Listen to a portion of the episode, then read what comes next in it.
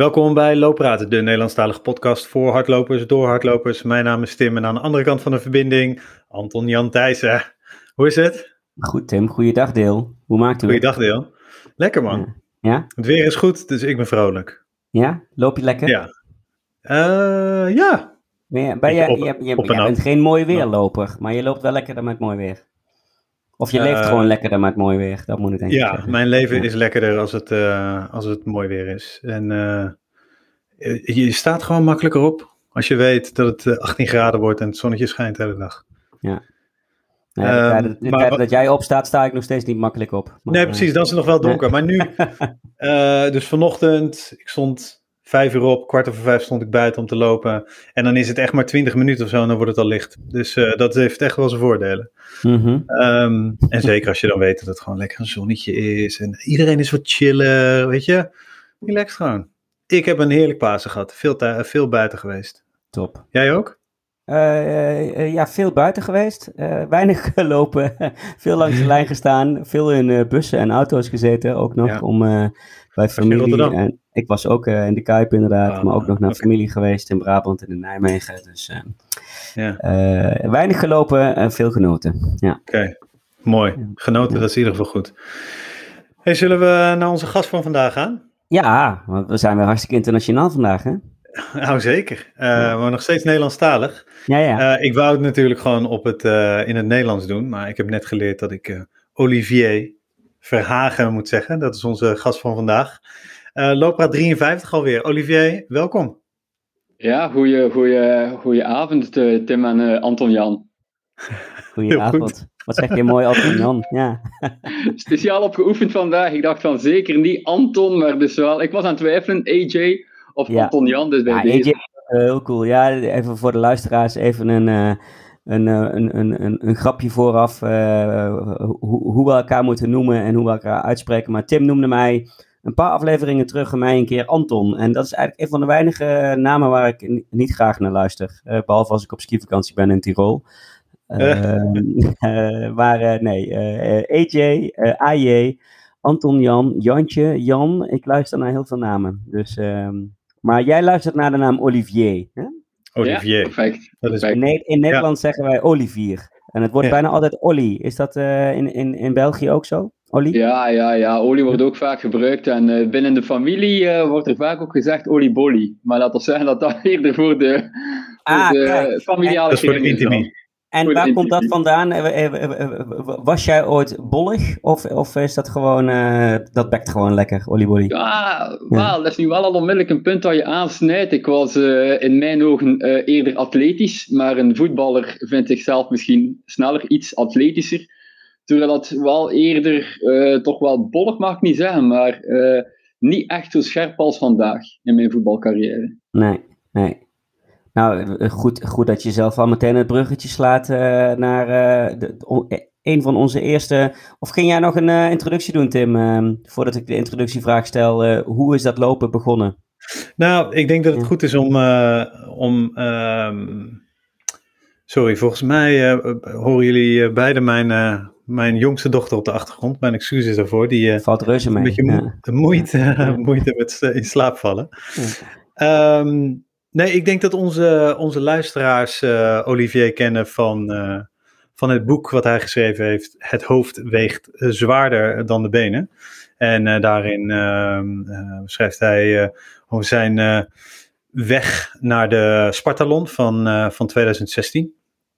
En ehm, eh, ja, dat is, de Spartalon is natuurlijk die legendarische hardloopwedstrijd eh, van 246 kilometer van Athene naar Sparta.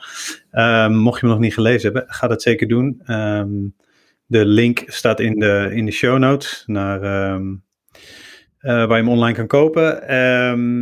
En voor de rest heeft hij een aantal, of is hij momenteel bezig met een tof project. Heeft hij vorig jaar eh, eh, O5 afgerond. Nou, daar gaan we allemaal over, over praten met eh, Olivier. Maar eerst natuurlijk eh, onze openingsvraag. Hoe is het allemaal bij jou begonnen, het hardlopen? Want je was voetballer. Ja. Ja, Ja, ja, ja, ja. En, en zoals heel veel voetballers was lopen niet de favoriete bezigheid op, eh, op training. Maar na 22 jaar voetbal eh, begon het voor mij moeilijk te worden om de combinatie te houden. Eén, tijdens de studies was het niet evident. Ik heb in, in Gent gestudeerd, rechten, en daarna nog een master bij fiscaliteit. Maar tijdens de studies was de voetbalcarrière een klein beetje bergaf aan het gaan. ik was niet echt heel talentvol, maar het liep vrij goed. En ik dacht van misschien kunnen we wel verder gaan met de voetbalcarrière en eventueel gewoon hogeschool en de combinatie behouden.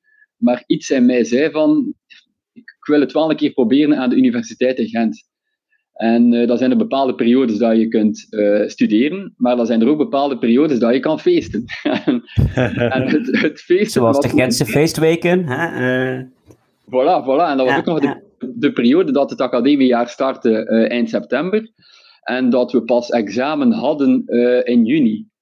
Dus dan is het ook wel een klein beetje een nozel om uh, vol een bak te beginnen studeren in oktober. En dan feest je wel meer, dan, dan is er iets minder focus op de, ja, op de sport, laat ons zeggen. En, en dat was ik al een klein beetje op mijn achttiende aan het, aan het verliezen. Uh, was het een klein beetje achteruit aan het gaan met het voetbal. En dan eigenlijk uh, toch nog wel blijven voetballen, maar dan vooral in 2005 beginnen werken in Brussel bij uh, de Big Four, bij Ernst Young. Ik denk Marieke Brouwers was ook een aantal weken geleden. Ja, zeker. Ja. Ja. werkt ook bij Ernst Young. Uh, en de combinatie toen in Brussel werken en voetballen was eigenlijk onmogelijk om op tijd op training te zijn. En dan was er een vriend van mij die zei van Olivier, laat ons een keer, een, toen nog in 2009, een zot project doen. Laat ons een keer trainen de komende drie maanden voor een marathon. Want 2009 was ook wel een ander jaar dan nu. Ik heb nu meer het gevoel dat, dat alles verder dan een marathon een uitdaging is. En dat de marathon zo wat mainstream, mag ik niet zeggen, maar toch wel, ja, toch wel bij heel veel mensen een het staat op heel wat bucketlijstjes, ook waar het misschien, uh, misschien niet zo verstandig zou zijn. nee, voilà, voilà. Maar in 2009 was dat nog een ander, uh, ja, ik weet dat niet, was toch nog anders. Was de marathon toch nog wel iets mythischer, denk ik. Ja. En dan zijn we beginnen trainen voor die eerste marathon, de Nacht van Vlaanderen in Torhout, in 2009. Dat is een nachtmarathon? Dat begint om 8 uur ja. s'avonds. En dat was toen ook het wereldkampioenschap 100 kilometer lopen. Oh. Net diezelfde avond. Was je uh, had je daar toen al oog voor? Voor die uh, ultra? Vond je dat toen al uh, toch wel lichtelijk interessant? Ja, wel Tim. in alle eerlijkheid, ik ben daar dan gestart enkel voor de marathon. Maar uh, er kwam mijn Japanse loper voorbij gelopen. Dat was de eerste op de 100 kilometer. En ik dacht, wauw. Uh, ik vond het ongelooflijk, want ik was eigenlijk aan het, aan het sterven op die marathon. En ik dacht van, die liep mij voorbij aan een, aan een tempo dat veel vlotter en veel uh, makkelijker leek dan mijn tempo. En ik dacht van, ja, hoe hou je het vol? die marathon maal twee. En dan nog tien maal erbij. En ja, toen is misschien wel ja, een eerste zaadje geplant om het iets verder te bekijken. Maar uiteindelijk ben ik doodgegaan hoor. Die eerste marathon. Echt met heel veel vertrouwen in de eerste halve marathon gelopen. Uh, denkende dat het wel in orde zou komen, het tweede deel. Maar dat was absoluut niet het geval eigenlijk. Uh, ja, een zeer, zeer zware tocht. Ik denk bij, bij velen hè, die de eerste marathon lopen, die het lichtelijk onderschatten, het duurt lang. Ja. Hoe had je ervoor getraind? Met hartslag of met een, gewoon een, een schema wat langzaam opbouwde van 10 naar de halve naar 30 naar. Uh, oh, ja, of had je daar eigenlijk niet goed genoeg voor getraind? Niet goed genoeg, niet goed genoeg. Nee. Wel het gevoel van ik doe al mijn volledige leven sport. Ja. Ik was misschien iets zwaarder, maar niet echt zwaar. Ja, ik voetbal van mijn, van mijn vijf jaar. Uh, ik heb ook zes jaar getennist, negen jaar toch, toch minivoetbal, dus altijd gesport. Het was niet van ik moet nu beginnen lopen om een aantal kilo's kwijt te raken of een trauma te verwerken of ja, iets niet sportief. Nee, het was enkel gewoon van een sportieve uitdaging. En ik dacht van, dat loopt wel los. Maar ja, een marathon is niet tweemaal een halve. Uh, had ik toen nog niet begrepen eigenlijk. Nee, nee, nee. Ja. nee. Wat, ja, wat liep je? Of liep, je liep hem wel uit? Ik, ik, ja, ik liep hem uit. Uh, ik, ik, denk dat ik de, de enige loper was met zoveel supporters mee. Ik denk dat er 25 supporters mee waren met mij. En dan de halve marathon doorgekomen, ik denk in een uur 46, de halve. Al babbelend. Dus redelijk, redelijk netjes vond ik toen wel. Maar dan aangekomen als een, als een levend lijk, denk ik, uh, in 4 uur 17. Dus als je een klein beetje kan rekenen, dan weet je dat de tweede helft. Dat is geen negative split. Ja, nee. nee, nee. Absoluut ja, niet. Maar toch, voor het eerste marathon, hè, uh, voor zo'n voorbereiding, geen, geen tijd waar je je uh, helemaal voor hoeft te schamen. Nee, en dat, dat Nee. heb ik ook niet Nee. gedaan, omdat ik Nee. altijd van, ik, ik ben eraan begonnen met het idee van, ik loop hem uit, en dan Ja. loop je die uit. Maar dan daarna wel onmiddellijk het gevoel van, van, ja, één, nooit meer, zoals velen. Ja. Maar dan zag ik de 100 kilometer slopers passeren en dacht van, als ik mij nu echt heel goed voorbereid, moet dat toch wel beter kunnen dan die 4 uur 17. Dat Ja. was wel onmiddellijk Ja. het gevoel. En, en heb je dat ook meteen gedaan? Die, dat, dat besluit genomen en, eh, en, en daarvoor gaan trainen voor die volgende? Ja, ja, maar ik denk, eh Anton Jan, misschien wel fout ook, omdat wat ik ook bij heel veel mensen zie nu, eh, niet dat ik een expert ben, maar na, na 14 jaar lopen kan ik zowel, soms wel de fouten herkennen bij anderen. Ik, ik denk, heel velen willen te veel te snel. Ja. En dan leggen ze zichzelf druk op van, dat moet nu in 3 uur 59 of dat moet nu in 2 uur 59. Terwijl ik ervan overtuigd ben, Ja. sub 3, terwijl ik Ja. ervan overtuigd ben, als je het wil, dat je er gewoon de tijd voor moet nemen. Ja. En dat was bij mij ook wel het probleem na de eerste, dat ik dacht van, maar nu ga ik lopen en nu mijn volgende moet zijn in 3 uur 30. Terwijl ik dan eigenlijk beter het idee had van, nu ga ik zo, zo goed mogelijk trainen om een zo goed mogelijke tweede marathon te lopen.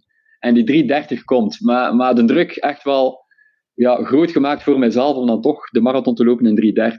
Ja. Omdat toen, toen, ja, ik werkte in Brussel en ik had ook wel politieke ambities.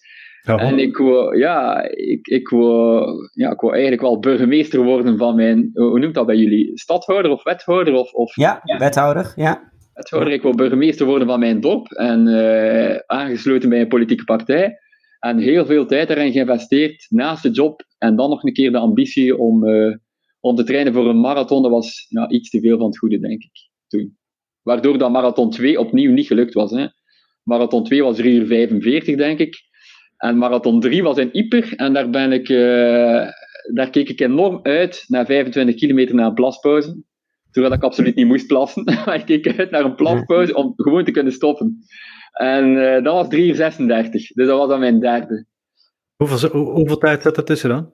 Eh, daar zat, die eerste en die tweede? ik, ik denk eh, de eerste en de tweede zat eh, drie maanden, denk zes maanden tussen. Oh ja, dat is netjes. Ja, ja, ja. Ah, ja, ja, Maar ja, dat, ook, dat, dat is qua tijd op zich niet, niet Ja, eh, te prima. snel of zo. Nee, nee. maar eh, voor alle duidelijkheid, eh, ik ben ook niet talentvol in het, in het lopen, voor alle duidelijkheid. Ik ben me er altijd bewust van geweest dat ik qua balgevoel, eh, het voetbal lag mij wel goed, het tennis ook, maar het lopen, dus, dus ja, niet geboren met één, één, enig looptalent, in alle eerlijkheid. Voetbal ging mij wel veel beter af, maar dan had ik het karakter niet, om dan eh, door te duwen in het voetbal.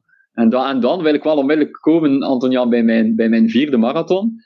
Daar had ik eh, heel hard voor getraind, eh 2011, de marathon van Rotterdam. Ja. Dus heel hard getraind om uiteindelijk die 3 uur 30 te halen, met een schema. een eigen schema gemaakt en, en gevonden ook op internet. En dan keihard getraind, maar dan eh, rijkelijk laat toegekomen in Rotterdam. Met de wagens morgens. Eh, rijkelijk veel gebabbeld en veel te laat mijn startnummer gaan afhalen. Dus eh, mijn box niet gevonden, mijn startbox, en uiteindelijk beland in de startbox van 4 uur. Voor de mensen Terwijl je wegging op 3, 3 uur 30, dat was je 3 uur streeftijd nog steeds. Ja, was mijn ja. streeftijd. Ook ingeschreven Ja. voor 3 uur 30, maar dan uiteindelijk Ja. beland in het vak van 4 uur. En in Rotterdam doen er heel veel lopers mee en onmiddellijk mijn flow kwijt van bij de start. Ja. Eh, Het is toch al, toch al redelijk druk bij de start in Rotterdam. Ja. Ehm, ja. Ja. Ja. Ja, en, ook, en ook eigenlijk een beetje opgefokt van de zenuwen eigenlijk, omdat ja, Ja. Het, was, het was alsof de wereld ging vergaan als het 3 uur 31 was. Terwijl uiteindelijk nobody cares, maar ik wel heel hard toen. Ja, echt hè? Ja, echt, echt, echt. Eh, eh, dat was niet lukken was geen optie eh, toen. En ik weet nog dat ik heel veel lopers voorbij gelopen heb en ik kwam de halve marathon door in 1,45. En ik zag mijn vriendin staan. En mijn vriendin zei van, oei, ik denk niet dat het heel vlot was de eerste halve. En ik zei van, nee, echt al mijn energie verbruikt. Ik denk dat de 3 uur 30 eh, niet haalbaar gaat zijn. En eh, zij zei van, ja, loop toch maar door, want je hebt wel hard getraind. En eh, doorgelopen. En uiteindelijk besloten na kilometer 25 van, eh, ik kom niet aan met een tijd van 3 uur, meer dan 3 uur 30. Dus dan nog liever een DNF Ja. dan een tijd van 3 uur 35. Ja, zo gefocust was ik Ja, toen. ja. En dan onmiddellijk de beslissing genomen van, waar dan mijn vriendin staat, stap ik uit. Maar de vriendin had er niks beter op gevonden om te staan aan de koolsingel. een fantastisch goed idee waar iedereen in staat. Ja. Dus ik kom aan de koolsingel heel veel volk en ik speld mijn nummer uit en ik kruip over de naderrekkers om niet te finishen. Maar voor de finish dus? Voor, de finish, ja.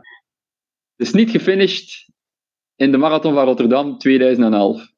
En, en eh, op kilometer 41,5 uitgestapt? 41 en een klein beetje bij uitgestapt, ja. Maar als je hem, als je hem had uitgelopen, dan was je op 4 uur uitgekomen? Of ja, nee, ik denk, in, ik denk in alle keer, eerlijkheid 3,52 denk ik, of 3,53. Ja, het was, uh, het, was, het, was, het was zeker onder de 4 uur, maar het was zeker geen 3 uur 30. Dus dan, nee.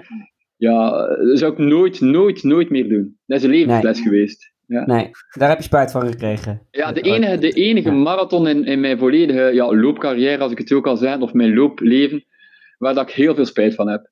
Ja. Maar wat dan misschien je... achteraf mijn, mijn sterkte geweest is, om dan never, never, never nog een nummer uh, spontaan af te spelden of uit te doen, ja, of op te geven. Ik, ik, ik denk dat ik wel ik denk dat ik wel snap waarom je dat toen gedaan hebt. Hè? Ook als je dat tegen jezelf zegt. En ik stap uit als ik mijn, uh, mijn vriendin zie. En, en je baalt. En je had die lat voor jezelf ergens neergelegd. En, en dat lukt dan niet. Um, is dat dan een verkeerde instelling om aan zo'n marathon te beginnen? Of had je uh, gewoon gedurende die marathon die knop om moeten zeggen, uh, kunnen zetten en je erbij neerleggen en toch doorlopen? Ja, dat je het niet gaat halen. Tuurlijk, tuurlijk. Dat was de juiste, de juiste insteek op, op, op die dag. Ook uit respect voor mijn vriendin toen.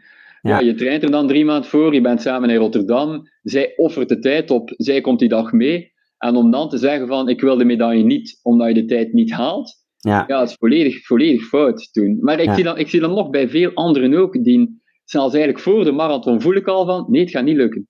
Ja. Gewoon door de, door de verkramptheid in het lichaam, door de stress, door de te grote focus, terwijl, dat we, terwijl dat we geen profatleten zijn. Hè.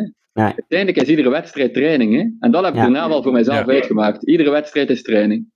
Denk je dat je als je, weet je, je hebt dus, je komt te laat aan, je ouwe hoert te veel, weet je, al die vertraging en al die stress die dat opbouwt. Uh, als je nou gewoon gestart was en op je, je plan had uitgevoerd zoals je dat bedacht had, uh, denk je dat je dan um, wel gehaald was? Want je startte aan die marathon al van dit ga ik niet halen.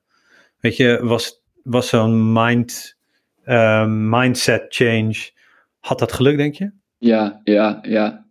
Ja, ik, ik, ik, weet niet als 330 mogelijk was geweest. Ik had er wel voor getraind, maar ik, ik denk dat zeker een optie was heel lang in de wedstrijd toen. Maar, maar nu was van in het begin eigenlijk al door de hartslag die al heel hoog ging voor de start, nog los van één meter te lopen, was de hartslag al volledig, volledig ja, niet goed. Dus dan, dan, dan weet je dat het onmogelijk kan lukken.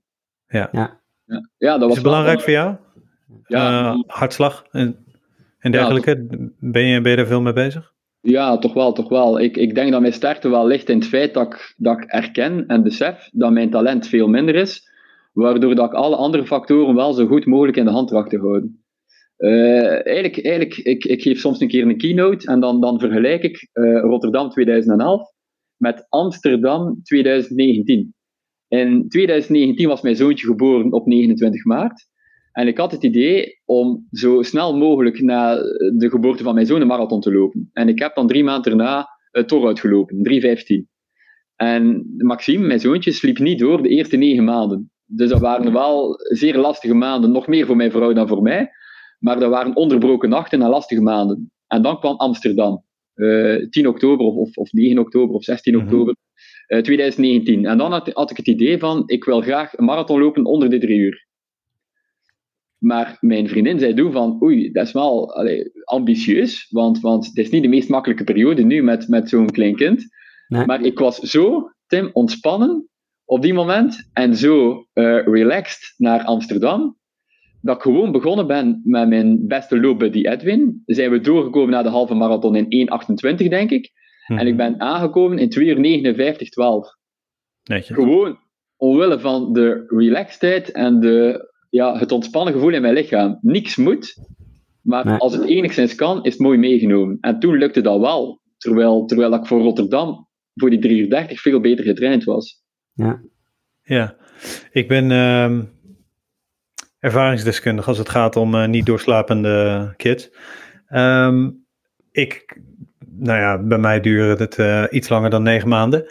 Uh, jaartje of drie. Um, maar hoe ben je daar doorheen gekomen? Hoe heb je zo kunnen trainen naar een, uh, naar een 315, naar een sub 3 ook, terwijl je gebroken nachten had? Dat is maar, belangrijk, slaap.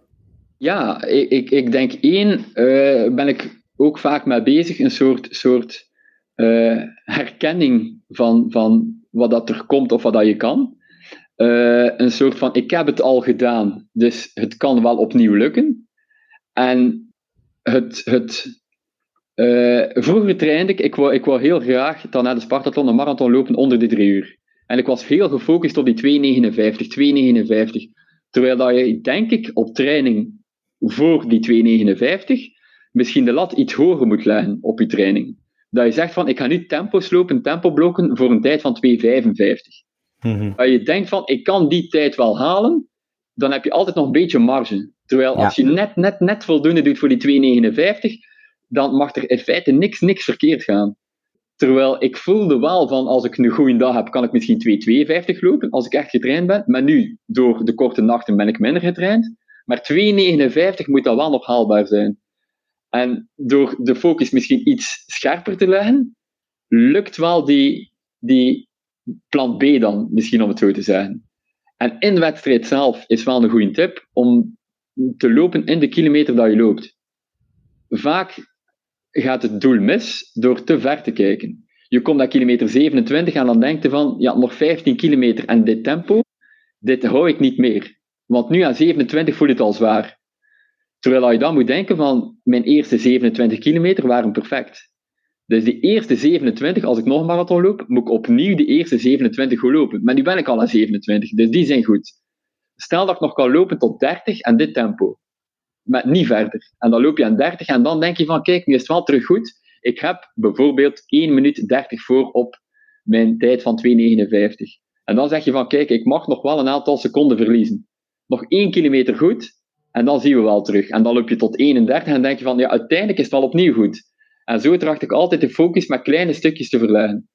Zonder de bigger picture te zien. Want, want dat kan wel de benen afsnijden. En vooral mentaal ook een gevoel geven van, ja, dit nog 11 kilometer, dit lukt niet, maar misschien wel nog één kilometer. En dan misschien nog één. En ik denk dat dat wel een goede insteek was van meer lopen in het moment, in de kilometer, dan, dan te ver vooruit te kijken. En ook één snelle, één ja, trage kilometer betekent niet dat het doel weg is. Want vaak vanaf 40 vind je toch gelijk een of andere ja, spirit nog terug of een of andere energie, mhm. waardoor dat je dan nog wel 10, 20, 30 seconden kunt inhalen in die laatste twee kilometer. Dus vaak denk je van na 35 van oei, ik kom nu uit op 3, 3 uur en 10 seconden. Ja, vanaf nu is het gedaan. Nee, nog niet hè. Je bent er nog altijd dichtbij. En zo tracht ik altijd wel mijn doel, mijn doel ja, ja te bereiken. Door mhm. nooit, nooit, ja, zeker op een ultraloop, door nooit te ver vooruit te kijken. En soms, zeggen ze, van, en soms zeggen ze ook van de marathon begint aan 30. Ja, dat vind ik dus ook niet. Hè. De marathon begint aan kilometer 1. Want alles wat je ervoor loopt, is ook heel belangrijk. Hè?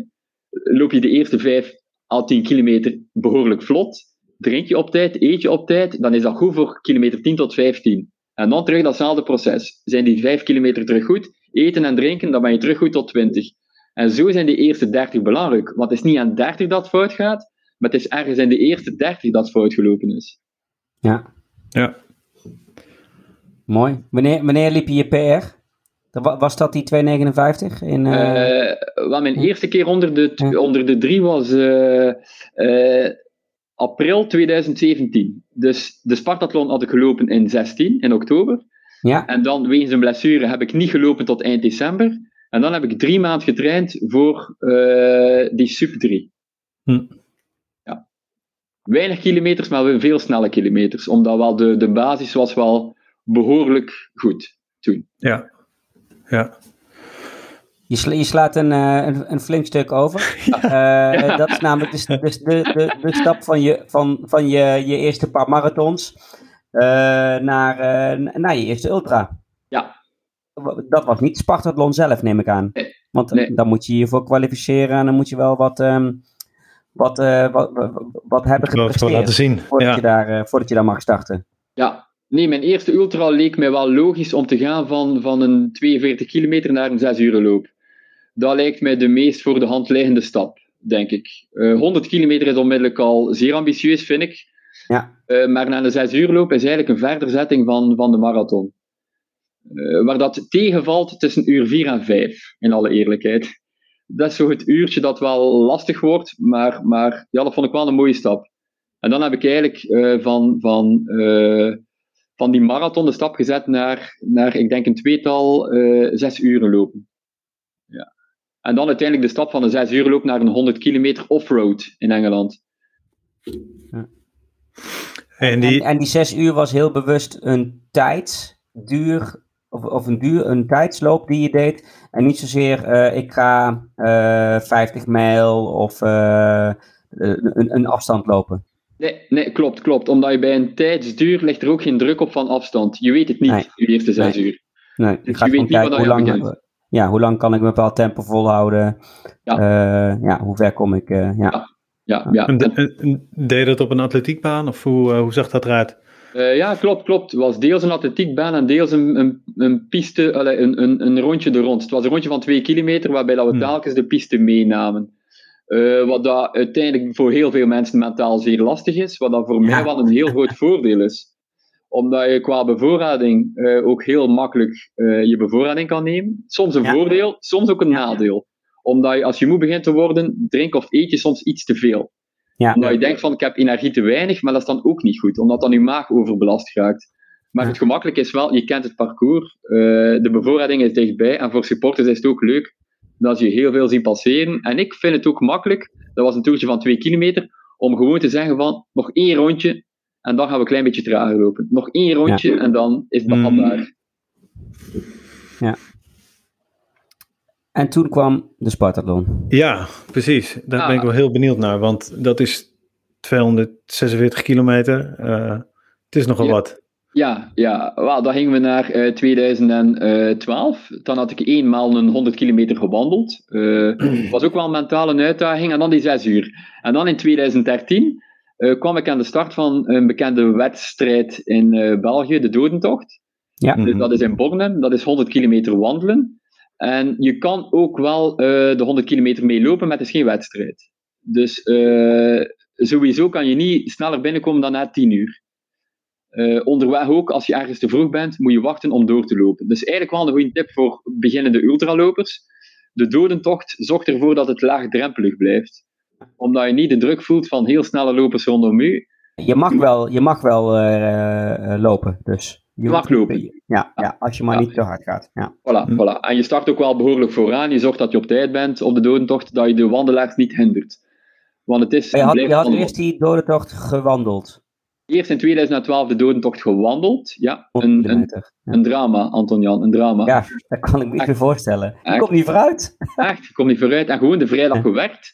En dan uit de weddenschap met, uh, met uh, Talia. Uh, op, een, op een streekbierenavond na weddenschap gezegd van oh, binnen een week of drie is het de dodentocht. Wel, ik wandel mee, 100 kilometer. En hij viel, viel dik tegen, viel echt dik tegen. En dan het jaar daarna dan toch besloten om hem te lopen. En ik was aan het wachten om mee te lopen. En op weg naar de start was er iemand die mij riep en die zei van Olivier, wat is het, wat is het doel vanavond en vannacht? En ik zei, ja, wat kan het doel zijn op een 100 kilometer uh, lopen, uh, uitlopen, denk ik. En hij zei van, ja, maar ja, als je hem uitloopt binnen de toen dan uh, 10 uur 30, dan kan je kwalificeren voor de Spartathlon. En ik dacht, wow, nooit van gehoord, wat is de Spartathlon? En hij zei van, ja, dat is een wedstrijd in Griekenland, 246 kilometer lopen. En ik dacht, ja, hoe demotiverend is dit nu? ik ja. dacht vanavond 100 kilometer te lopen.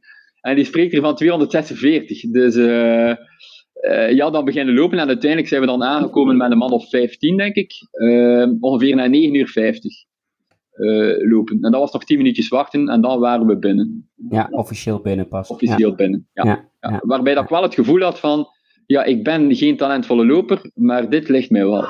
Ja. ja, ja, genoten die nacht eigenlijk. En dan 2013. En dan uh, marathons blijven lopen en nog een keer een 6 uur. Uh, 6 uur in Mechelen toen nog gelopen. Dan had ik 72 kilometer en half, denk ik, ja. En dan uh, doorgetraind tot, ehm, de naam ontsnapt mij nu, een wedstrijd in Engeland van 100 kilometer. Race to the Stones. Ja. heel mooi wandelpad in Engeland, de Ridgeway, heel mooi. En die, die wedstrijd gelopen eigenlijk offroad, 100 kilometer. Ja met mijn toenmalige vriendin mee op de mountainbike. Uh, een avontuur, amai. Uh, het was niet mogelijk om te volgen met de mountainbike, maar dat hadden wij niet door voor de start. fantastisch, fantastisch. Ja, herinneringen uh, toen niet zo fantastisch, maar achteraf wel. En dan ja, een beetje een moeilijke, moeilijke periode in mijn leven, in alle eerlijkheid. gedaan geraakt met de vriendin. Niet, niet, door dat mountainbike toch, hoop ik. nee, nee, nee. Ik denk dat we alle twee een beetje nogal ambitieus waren en misschien wel uh, gelijk gestemd, wat al relationeel uh, moeilijk was. Uh, en ik had ook een aantal jaar ervoor de Big Four verlaten. dat was niet echt, niet echt volledig mijn ding. toen ik Marieke hoorde vertellen van het, van het leven met de Big Four, denk ik, Marieke, er zal ook nog iets anders op je pad komen, denk ik dan. Dat was bij mij ook het geval. En dan uiteindelijk beginnen werken bij Decathlon. Ehm, sportwinkel, eh, gewoon in de mhm. winkel. Uh, dus niet op, op kantoorjob, maar gewoon in de winkel begonnen. En uh, dan uiteindelijk daar ook een beetje, uh, ja, eigenlijk onterecht vind ik wel. ik heb daar heel snel carrière gemaakt binnen Decathlon. Dus van de winkel onmiddellijk commercieel directeur geworden. van, van, van de loopafdeling. En ik denk dat ik een aantal stappen overgeslaan heb in mijn ambitie. En dan uiteindelijk een beetje teruggefloten en dat was einde verhaal. Dus uh, mijn, mijn carrière een moeilijk pad gekozen om uh, voor de sport te kiezen. Dan uiteindelijk einde verhaal, relationeel einde verhaal. En dan ja, een klein beetje in twijfel wat ik wou doen met mijn leven. En ja, niet de meest gelukkige periode van mijn leven, als ik er nu op terugblik ook. Uh, en dan besloten van, misschien moet ik, moet ik gaan voor iets waar dat ik me heel goed bij voel. En dat was toch altijd het lopen. Ja iedere keer als ik gelopen had, of zelfs uh, moest beginnen lopen, uh, gaf mij dat wel een, een, een gevoel van controle over wat ik toen aan toen was. Uh, alles liep niet zo zoals ik het wou, maar dat lopen toch telkens weer wel. Omdat, ja, wegens dat weinig talent was ik altijd wel goed voorbereid als ik iets, als ik, als ik liep zelf. Niet de praktische voorbereiding ervoor, maar als ik aan het lopen was, was het altijd wel zeer bewust.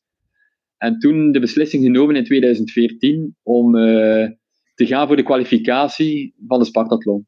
Ja. ja. Als je het nu terugkijkt, was, was dat een soort vlucht?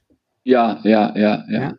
Ja, absoluut. Ik bedoel, een vlucht in iets moois, maar, maar ik bedoel, het, uh, ja. Ja, ja, je, je, je, zocht naar iets, naar, naar een doel, naar iets waarbij je je volledig op kon storten en um, naartoe kon werken. Ja, maar ik denk dat dat, ik denk dat dat, ik heb heel veel geleerd over mijzelf de voorbije jaren, nee, door, door ja, door zaken dan misschien nog gaan op terugkomen, maar, maar heel veel stilgestaan bij wie dat ik ben en wat ik doe. En eigenlijk, ja, iedereen heeft een, even een, gen, een DNA. En bij mij is er wel een zeker DNA aanwezig naar een soort verslaving, naar iets. Een hunker naar iets of, of doorgaan. Ik ga niet zeggen doorslaan, want dat is ook een fout begrip, maar te hard doorgaan in, in iets wat je zeer graag wil. En uh, Jan, daar niet te ver over uit te wijden, maar bij mijn vader was het alcohol, uh, die dan grijpt naar iets negatiefs. Waarbij dat ik ook het gevoel had van, misschien is dat in mij ook aanwezig, maar ik ga iets grijpen naar iets positiefs op een negatief moment in mijn leven. Ja. Uh, en dat was dan dat lopen. Uh, ik heb toen ook gezegd van, je hebt een klein beetje ongelukkigheid nodig om een bijna onhaalbaar doel te bereiken. En dat klein beetje ongelukkigheid was belangrijk, ook niet te veel. Want dan, dan, dan doe je ook geen rationele zaken. Als je te ongelukkig bent of dan lukt er gewoon niks meer. Dat klein beetje ongelukkigheid en een bijna onhaalbaar doel was ook belangrijk. Onhaalbaar. Ja, dan, dan zakt ook de moed in de schoenen. Maar bijna onhaalbaar leek mij de Spartathlon. Omdat ik toen wel wist van 100 kilometer is gelukt. Maar ik kon mij geen idee geven bij wat het was om te trainen voor 246 kilometer. Met 25 graden. Bij, En, eh, voilà. straathonden, eh, eh, voorbij reizende, au- reizende auto's. Ja, ja, serieus. En, en ook Ja. het glooiend landschap in Peloponnesos. ja, Daar was ik ja, ook niet ja. van bewust. Maar dan dacht ik van, ik zocht filmpjes op en ik zag mensen die toch wel de voet van Leonidas konden aanraken, waarbij dat ik dacht van, ik ga mij verdiepen in hun verhaal. En er was Ja. altijd een veel dieper verhaal dan enkel het lopen. Ik Ja. denk dat, eh, ik kan er geen, allez, ik ga er nu een percentage op kleven, maar dat misschien 75% daar start. Niet alleen omwille van het sportieve luik. Nee. Eh, en dat trok mij enorm aan in die wedstrijd. Het onzekere om het doel te halen. In combinatie, wat mooi wat je zegt, in combinatie met een heel klein beetje ja, eh, eh, onge- ongeluk, ongelukkigheid of, of ja, een, een, een, een net andere drive. Net iets, een, een, een extra drijfveer om dit, eh, om dit te gaan doen. Ja, om, omdat Ja. ik ook, Ja. Anton Jan, omdat ik ook in niks goed ben. Verstaat, ik ben, ik ben verstandig, maar niet intellectueel. Ik ben een sporter, maar geen atleet. Verstaat, ik, ik had geen relatie. Eh, heel veel van mijn vrienden waren getrouwd, hadden kinderen. Ja, ik was dan ook 34. En ik was toen alleen. En om, om, om dan te zeggen van, ja kijk, welke zaken ben ik nu goed in in mijn leven? Er was zo niet echt iets dat eruit sprong. En Nee. ja, dat geeft dan zo wel een gevoel van twijfel. Ja. Is dat, is dat dan een soort van bewijsdrang? Of, of, of, Ja, of be- ja. dat je een bevestiging wilt? Dat je wel ergens heel erg goed in bent? Of dat je iets heel bijzonders kunt wat anderen niet kunnen? Ja, ja, ja. Ja. ja. Ik, ik denk dat dat een deeltje, een heel groot deel was van, van hoe dat ik mij toen voelde, wat ik nood aan had. Ja, Ja. ja heel erg. En, en vooral heel erg voor mezelf, maar ook anderen naar mij toe. Ja. Dat, dat ik aanvoelde van, kijk, er moet toch iets zijn waarin dat ik wel absoluut kan slagen, want dan een aantal mensen, of heel veel mensen, dat niet kunnen.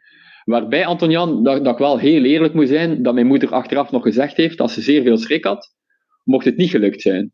Ja. Ja, en dan- wat voor een zwart gatje, omdat je dan voor jezelf een extra bevestiging krijgt. eh, ik kan het niet, zeg Ja, maar. klopt. Eh, ik, ik ben nergens goed in. Ja. Ja, ja, voilà. Ja. voilà. En dat was dan heel hard van, de kwalificatie moet lukken. Er is geen plan B. En Nee. vanaf dat ik start, starten is aankomen. Er was ook geen plan B of van, ik ga nog een keer terug naar Griekenland. Ik heb ook een dagboek bijhouden toen. Ik heb nooit Ja. gezegd van, ik ga het een tweede maal proberen. Het was eenmaal ja of nee. Ja. En dan was de druk, ook, de druk voor mijzelf ook wel echt groot. Ja. Ja, maar het is goed gegaan. Ja, het is goed gegaan. En, en ja, ja, soms zeg je levensveranderend. Eh op bepaalde vlakken wel, maar op andere vlakken val je dan toch terug op wie dat je bent hoor, daarna. Maar er is toch nog altijd iets dagelijks, bijna, of bijna dagelijks aanwezig, waar dat ik toen wel heel veel energie uit gehaald heb. Uit de weg er naartoe. Nog meer dan uit de tocht zelf, maar in de weg er naartoe. Ja. Mede, En dat is ook waar je het boek over eh, geschreven hebt, toch? Ja, Met name ja, ja. je weg er naartoe. En, eh, ja. Ja, ja, want toen heb ik, toen heb ik dagelijks, dagelijks, echt wel consequent, dagelijks een stukje geschreven hoe dat ik me voelde. En dat was 782 bladzijden na twee jaar. Ja, Dat eh, is nogal een logboek. Ja. gigantisch, gigantisch. En het was eigenlijk begonnen voor een boek, het boek voor mijn zoon. Dat was eigenlijk de, de insteek van het, eh, van het dagboek. Omdat, omdat ik het gevoel had van, als ik, als ik hier ook in misluk, dan kan de zoon later toch wel zien dat papa wel heel hard zijn best heeft gedaan. Eh, en, en een zoon voor, eh, ik bedoel, je, je had geen relatie, toch, op dat moment? Als in, ja, een zoon voor ooit, zeg maar. Ja, Ja, zoon voor ooit. Ja. Ja. Ik had niet, ik had Ja. niet ook Hmm. gezegd dochter, het was wel zoon. Dus ja, het was echt ja. wel het idee van, ja, ik ga een boek schrijven voor, voor, voor mijn zoon. Ja. Terwijl dat heel veel vrienden van mij, eh, ja, ik had heel veel voetbalvrienden, hè, ook wel zoiets hadden van, Olivier, ja, vroeger was het plezant met u op, eh, op het voetbal of na de voetbal, dan werd er niks gevraagd, er werden er gewoon eh, pilsjes of biertjes bijgeschoven en iemand die iets vroeg. En nu drink je cola zero, eh, loop je en schrijf je een dagboek. Dus dat was Waar is het misgegaan? Voilà, voilà, exact, exact. Ja. Ja, ja. Maar ja, goed, ja, dat, dat, dat, was een, dat was een passie en een overtuiging wat je nodig hebt om, eh, om te slagen in zo'n doel. Een overtuiging van, weet je, als ik het echt wil, dan moet het gewoon lukken. Ja. Ja. En, en uiteindelijk heb je op basis van het logboek ook, en, en je, natuurlijk je ervaringen eh, tijdens die, eh, die race, en vast ook wel wat terugkijken, retro-perspectief, zeg maar, eh, eh, het, het boek geschreven met de schitterende titel Het hoofd weegt zwaarder dan de benen. voor de luisteraars die dat boek niet gelezen hebben, nou, een leestip. Hij staat ook zeker in de, ehm, in de show notes. In, in de show notes. Zeker.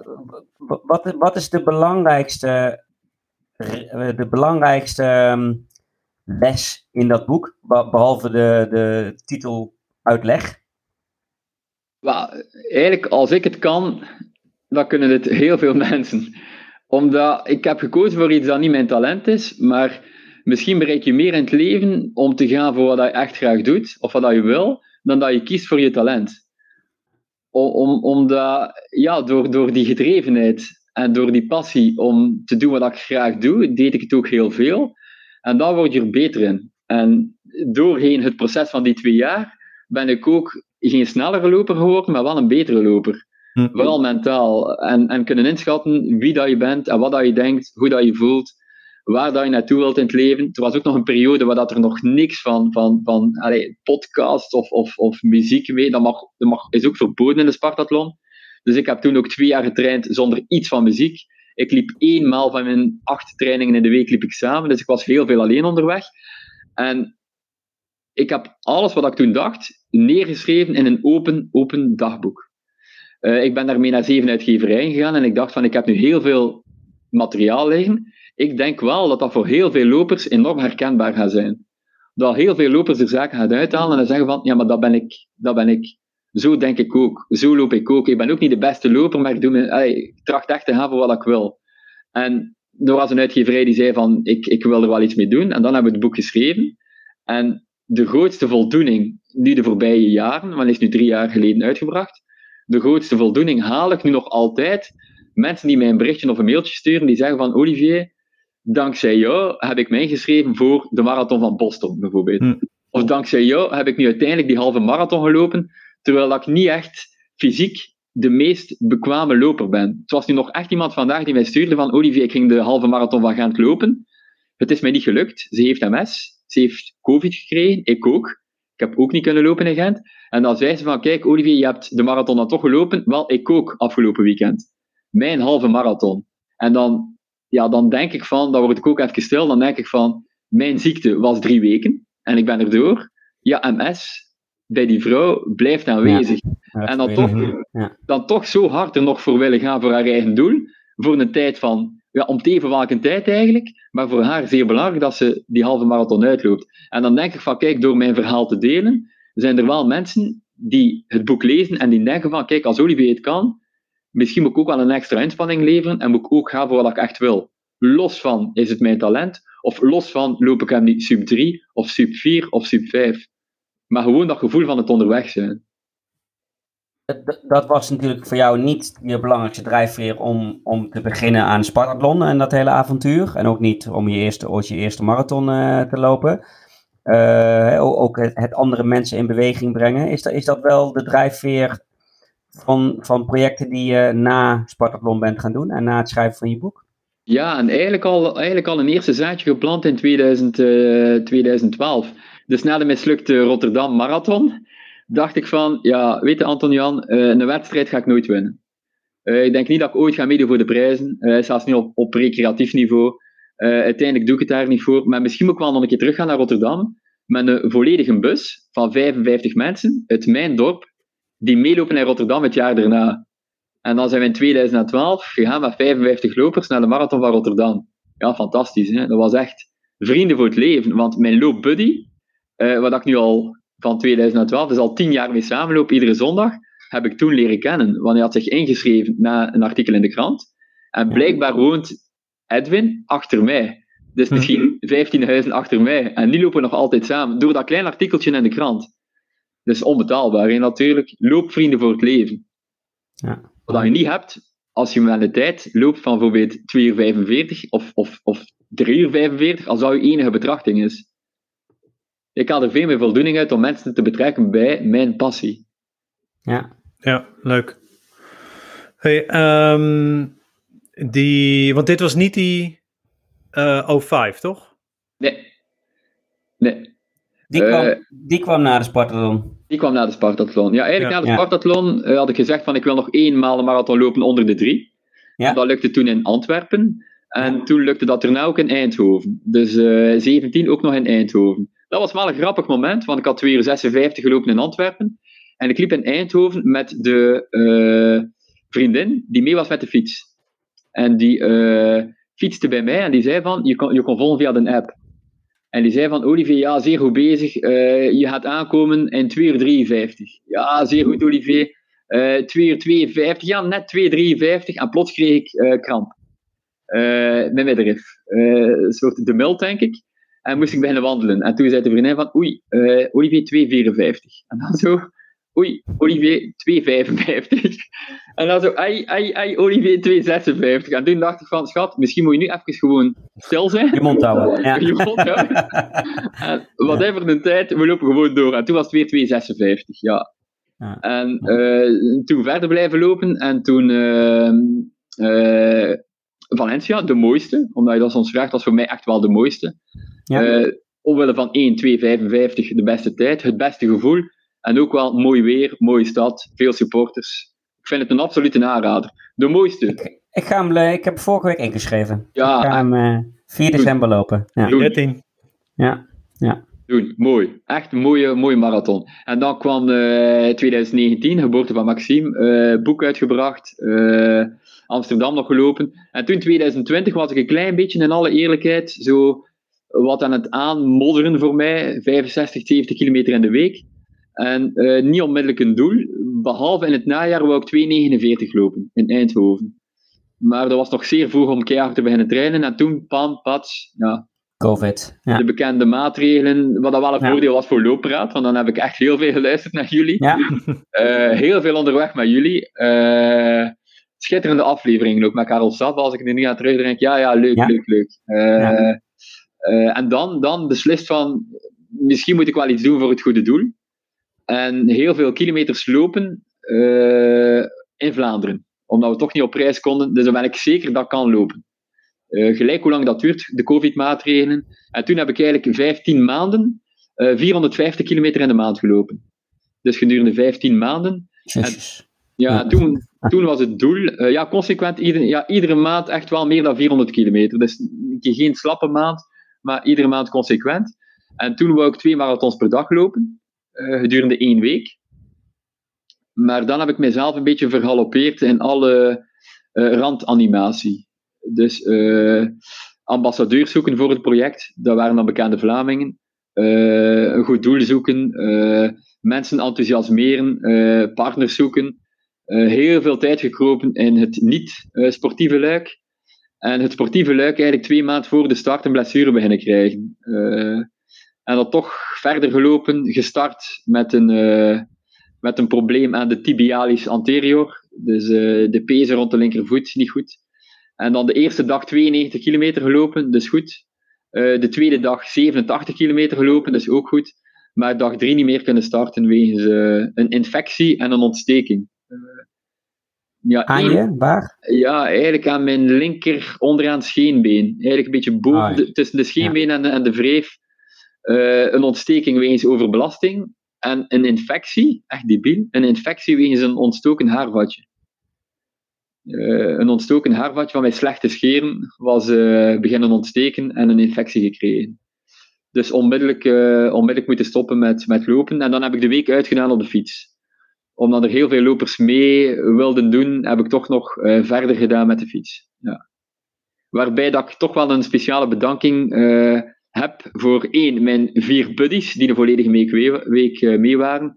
En voor uh, Adinda, een Belgische ultraloopster, mochten jullie die nog niet volgen. Uh, Adinda Vetsuipens, wereldrecord gelopen op de loopband. Adinda heeft toen gezegd van, heeft mij gebeld en heeft gezegd van Olivier, als jij niet meer kan lopen, dan neem ik een aantal dagen over. En, dat jou. Ja. ja, daar ben ik daar ongelooflijk dankbaar voor, omdat het project dan toch niet volledig in het water gevallen was. Dat was een fysiek, ja, ja, dat was een zeer zware ontgoocheling. Ja. Zeer zware ontgoocheling, ja. Waarbij dat ik thuisgekomen ben, uh, en dan zaterdag nacht, die nacht in de zomer, thuisgekomen ben, televisie aangezet en gekeken naar Tokio, naar mijn held Koenaert en naar ja. Bashir hm. Abdi, die naar allebei, want allebei, een fenomenale prestatie geleverd hebben uh, die nacht. Ja. En onze Abdi ook. Hè? En onze Abdi Ah, ook. tuurlijk, tuurlijk, Ja, ja, tuurlijk, ja. tuurlijk. Maar voor Ja. mij is de, is, de, is de held voor mij aan het grote voorbeeld Koen Naert. Omwille van, niet alleen omwille van de 2 uur 7, eh, maar zeker omwille van de ingesteldheid van Koen. Ik vind dat een voorbeeld voor heel veel lopers. Wat maakt hem eh, voor, voor, voor jou en waarschijnlijk voor veel eh, andere Belgische lopers, wat maakt hem zo bijzonder? Wa, Koen is, Koen is ja, één familieman. Eh, twee, Koen is maniacaal hoe dat hij zich voorbereidt voor zijn, voor zijn marathon. Maar maniacaal in zijn, eh, in zijn trainingen en naast de trainingen. Maar aimabel bij het niet lopen. Bereikbaar, down to earth. Eh, misschien wel een typische Vlaming dan. Maar ja, veel, soms te bescheiden, maar dat zie je dan dan ook maar maniacaal in, in zijn voorbereiding. Eh, heeft mij ooit de tip gegeven van, Olivier, voor een marathon schrijf ik vanaf de dag ervoor alles op wat ik doe voor mijn marathon. En dat is wel een goede tip. Ik heb dat ook jarenlang gedaan, gewoon het, het bladje erbij nemen. Wat heb ik gedaan voor mijn marathon in Antwerpen? Eh, dan heb ik op zaterdag kip met rijst gegeten. Dan ben ik drie uur op voorhand eh, geroosterde boterhammen beginnen eten. Zes geroosterde boterhammen met confituur. Twee glaasjes water een uur voor de wedstrijd nog een soldatenkoek. Allee, zo eigenlijk alles beginnen opschrijven, dat je geen energie verliest in denken wat dat je moet doen om goed aan de start te komen. En Koen is op alles maniacaal en toch wel ja, mijn, mijn grote voorbeeld, niet alleen sportief hoor. Dat is wel iemand dat ik wel enorm naar opkijk. Wil ik je uitnodigen, eh, Tim? Nou, ik, eh, ik, eh, ik zat al even op zijn Wikipedia te kijken. In 2007 dat is niet niks. Eh, tiende plek op de Olympische Spelen Ja, ja. ehm, in Tokio of in Sapporo. Dat is eh, helemaal niet, eh, niet gek. Nou, Ja, Koen, mocht je en- luisteren, Ja. En, en, dan en, komt even in je DM terecht. Maar ik, wel iets grappigs wat je, wat je zegt, of grappig. eh, iets wat ik opvallend vind. Je, je had het straks al over ehm, eh, een- bepaalde drijfveer die, die niet moet doorslaan, zeg maar. Hè? Een, soort passie die geen obsessie moet worden. Ehm, eh, je, je bewondert de mani maniacale aanpak van, eh, eh, van Koen. Maar als ik dan naar jouw projecten kijk, zit er ook wel een soort van. Is dat dan niet, weet je wel? de- eh, 600 kilometer in een week lopen, twee marathons per dag, de sportathlon en ook het project waar we dadelijk over gaan hebben, waar je nu mee bezig bent. Is dat niet te ver, Olivier? ja, ja, Is ja. niet, is het niet over het grensje van passie naar obsessie? Absoluut. Absoluut. Eh, ik heb vorig jaar gezegd, het O5-project zou mijn laatste project zijn na 13 jaar. Ik wou echt Ja. wel afscheid nemen van het, van het, niet van het lopen, voor alle duidelijkheid. Mensen denken dat ik niet meer ga lopen, maar niet meer van het, eh, eh, ja, hoe zou ik het zeggen, maniacale misschien ook, en van het, van het laten we zeggen, dan publiciteitslopen, laat het mij zo Ja, zeggen. Want ja. ik, ik kom dan gewi- gewild of ongewild, kom ik dan in de krant, want soms weet ik het ook niet. Eh, dat komt denk ik door mijn politiek verleden, dat mensen nog altijd mijn naam kennen. Waarbij dat ik denk van, dan wordt de druk wel extra groot om het, om Ja. het toch te doen slagen. En daar heb ik wel in alle eerlijkheid een klein beetje genoeg van. Nu wil ik, nu wil ik zelf iets doen voor mijzelf en misschien Ja. iets gematigder. Eh, het maniacale mag, mag echt wel, ja, na 14 Een jaar. kleine beetje onhaalbare, wat je ook schetst, hè? Dat Ja. moet er misschien wel in blijven zitten, maar... ehm, Klopt, klopt. Ja. Want ik, ik denk ook niet dat je van mij mag verwachten van, eh, zelfs los van het sportief, hè, het is op kantoor ook zo. Ik ben zelfstandig, ik heb een eigen eh, boekhoudkantoor, samen met mijn moeder. Eh, ik denk alles wat ik doe, doe ik wel zeer grondig. Dat is ook op kantoor. We zitten nu met 256 klanten. Het is niet altijd makkelijk om alles te combineren. Dat maniacale zal wel ergens aanwezig blijven en zorgt er ook voor dat ik, dat ik dingen gedaan krijg. Eh, in C ben ik een beetje lui, maar omdat ik altijd een zeer goed doel stel, eh, kan ik het niet toelaten om lui te zijn. Dus dan moet ik er wel naartoe leven. Maar eh, het project dat ik nu mee bezig ben, moet wel het laatste zijn. Maar het klopt wel, Antonian, dat ik wel opkijk altijd naar iemand die het maximale uit zijn leven haalt. Ja. Ik denk, Koen, zijn carrière is Europees kampioen geworden in Berlijn. Eh, Zeer mooie wedstrijd. Eh, fantastisch dat hij wegloopt van de concurrentie, waarop dat je denkt van nu is het te vroeg. Maar het maniacale, maar Koen kan dat ook geen vier, vijf jaar blijven doen. Maar ik denk, als Koen stopt met lopen, dat hij ook wel goed zal worden in iets anders dat hij doet. Gewoon omwille van de ingesteldheid. Ja. Eh, er heeft mij ooit iemand gezegd op een presentatie, mocht Eddy Merckx, toch wel onze grootste sportieve Belg, geen wielrenner zijn geworden, hij was wel top geweest en iets anders. Ik denk dat dat hetzelfde is met Mathieu van der Poel. Mocht Mathieu van der Poel geen wielrenner zijn, hij zou ook top zijn in iets anders. Dan Manja Kale wordt van Aert ook. Dat is, een, dat is een ingesteldheid. Ik, jammer genoeg, ontbreek het looptalent. Maar mocht ik het wel hebben, dan zijn er wel mogelijkheden. Nu is dat jammer genoeg het geval niet, maar dan houden wij niet tegen om dan toch het maximum eruit te halen. Ja. Maar dat kan ook uh, hopelijk later naar iets anders zijn. Hè? Dat we zeggen van, we gaan dan toch uh, iets zo goed mogelijk trachten te doen, iets niet sportief dan. Ja. Hey, en um, dus het, het project waar je nu in zit, um, de Authentic 42, um, dus je zegt al, dit wordt mijn, of dat is mijn laatste project, want je zit er middenin en daar gaan we dadelijk uh, gaan we over praten. Maar um, hoe, wat dan daarna? Want het, nou ja, en, en Anton Jan die zei het net ook al een beetje, het lijkt wel alsof je dat gewoon nodig hebt. Zo'n ja. drive is, zo'n Spartathlon, ik moet hem onder de drie uur lopen, de marathon, O5, weet je, toch constant die drive om bezig te blijven zijn. Hoe uh, heb je al een plan voor, uh, ja, daar komt hij al, voor daarna? ja, oh, uh, ja, maar ik denk, ik moet ook een klein beetje opletten wat ik zeg, want er is, er is wel een zekere verslaving bij mij aanwezig, uiteraard, naar het halen van een doel, laat het mij zo zeggen. die zekere verslaving, ja, dat is bij iemand die drinkt ook. Hè. Je weet dat de fles of de alcohol niet goed is voor jou, maar toch grijp je er naartoe er zijn ook momenten waarop dat ik weet dat mijn trainer in het verleden zei van Olivier, nu is het goed om één dag niet te lopen, dat je dan toch stiekem gaat lopen. Eén, ja. omdat je ervan overtuigd bent, als ik nu nog een keer extra train, word ik beter. Maar eigenlijk is dat niet het geval. Eigenlijk is dat die verslaving die dan spreekt. Die lichamelijke afhankelijkheid die zegt van, ik ga toch nog bijtrainen. Terwijl dat je echt wel, als je nadenkt, beseft, de trainer zegt van nu niet lopen, je doet het toch, dan ga je niet fysiek sterker worden. En die verslaving is eigenlijk wel ieder jaar aanwezig gebleven. Maar wij, waarbij dat ik nu voel, één, fysiek, zijn er toch een aantal klachten die komen. Uh, ik ga nu al twee wekelijks naar de kine, chiropractor. Maar na 14 jaar lopen komt er wel een klein beetje sleet op de carrosserie, jammer genoeg. En twee, er zijn ongelooflijk veel andere dingen die ik ook graag doe. Uh, ik werk ook graag, ik onderneem graag, ik lees graag. Dus ik denk dat er misschien wel iets komt na dit project dat eerder neigt naar een andere hobby. Dat zijn mensen die mij vragen van, komt er een tweede boek? dat is meestal ja. de... de ja, was inderdaad ook een vraag van Johan Bergmans. Ja, ja. Ja, dat is, dat ja. iets dat onmiddellijk ook komt. Ik heb dat sinds, want mijn boek uiteindelijk was geschreven, ook voor mij in 2016, mijn dagboek. Dan hebben we er nog aan gewerkt ook om het, om het geen dagboek te maken. Het is nu geen dagboek geworden, maar het is wel een levensverhaal van mij. Dus het is geen dagboek, het is ook geen boek, voor alle duidelijkheid, waarbij dat je loopschema's vindt of dat je weten dat je moet trainen of zo goed mogelijk een marathon moet lopen, dat is het niet. Het is echt wel ik die je leest, waarbij dat heel veel herkenbaarheid in zit. Nu, één, er kruipt heel veel tijd in het schrijven van een boek. Maar echt heel veel tijd.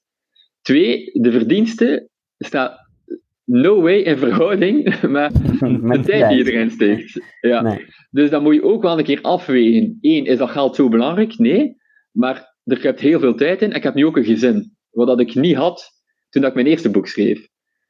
Dus dan moet ik ook wel één overtuigd zijn, wil ik de tijd ervoor nemen? En twee, wat ik ook wel belangrijk vind, ik wil alles goed doen wat ik doe, is er een verhaal te vertellen. En nu mis ik wel een verhaal. Toen was het iets van, ja, dat wil ik delen met mensen die het ook moeilijk hebben. Nu mis ik een insteek van een tweede boek. En dat weet ja. ik niet als dat, nog, ja, als dat nog een optie zal zijn de komende, de komende jaren. Ik schrijf wel heel graag hoor. Ik, ik hou nu mijn blog bij op mijn website. Uh, ik heb daar jammer ja, genoeg. Heel... die uh, Authentic uh, 42 ja. ook, hè? Ja. Die 42 marathons die je dit jaar in je, twee, in je 43ste levensjaar, in je 42ste, rond die 42ste verjaardag wil lopen. Ja. daar ook nu een blog van bij, wat ik heel graag doe, maar dat ik echt heel weinig tijd voor heb. Dus het is altijd thuiskomen, op een uur, een uur en een half, op 90 minuten moet ik mijn blog schrijven. En dan voel ik van, dan durf ik het bijna niet publiceren, in alle eerlijkheid. Hoe ben ik dan ook wel? Dan denk ik niet, die zin zit niet goed, dat wordt zit fout uiteindelijk, ja, het is niet echt wat ik wil. Maar dan denk ik van, ja, mensen willen misschien ook wel gewoon weten hoe dat geweest is. En achteraf is het voor mij ook wel makkelijk om terug te blikken op mijn project. Maar ik ben er niet zo super tevreden mee, maar dat mijn vrouw, want ik ben ondertussen getrouwd, die leert mij wel om soms tevreden zijn met net niet goed genoeg. Ja. En dat helpt.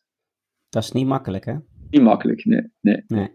Want soms, soms zijn mensen, uh, ik merk het soms, ze zeggen het dan niet, uh, misschien op iets jaloers, misschien op het boek of misschien op mijn loopprestaties, maar dan zouden ze moeten weten, één, hoe hard ik met alles bezig ben, en twee, hoe slapeloze nachten dat ik heb, of, of het niet stoppende, denkende brein, waar ik soms wel een keer van af wil. En dat is wel een, een, ja, een moeilijkheid en een zekere hardheid voor mijzelf, wat ik ook niet ben naar anderen toe, maar wel voor mijzelf. En dat maakt het niet makkelijk in alles wat ik doe. Nee.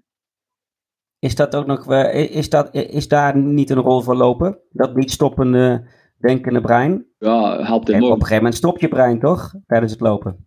Nee, Een paar, na een paar uur. Of, of, of gaat het dan bij jou nog steeds door? nog steeds door, maar naar andere dimensies. Eh, naar naar eh, grotere levensvragen. Als je echt moe begint te worden, dan verlang je naar kleine dingen in het leven.